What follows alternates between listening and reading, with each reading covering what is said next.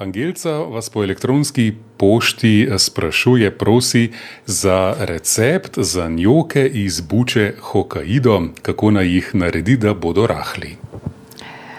E, posebej, lahko tako rečem, še jih nisem delala, da bi njoki bili iz Hokkaido, drugače pa e, bučko bi jaz spekla ali pa tako dušila, da je tako suha, zmehčana, in jo potem da v testo, oziroma prida jajce, prida še malo moke, posoli, še zdaj lahko bi bilo mehko. Prepražene čebule zraven, ni pa nujno.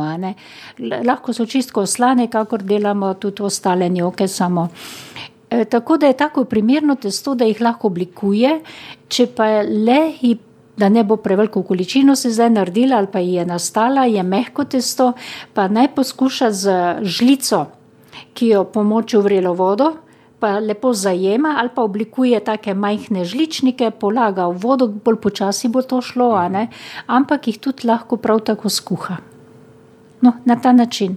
Tako da bučo pa prej naj zmehča. Tako da je mehka, da je prijetno testo, a ne in da je bolj takoj kuhano. Ker zdaj surovo, ne vem, lahko bi pa, če bi jo ribala prav drobno kot limono.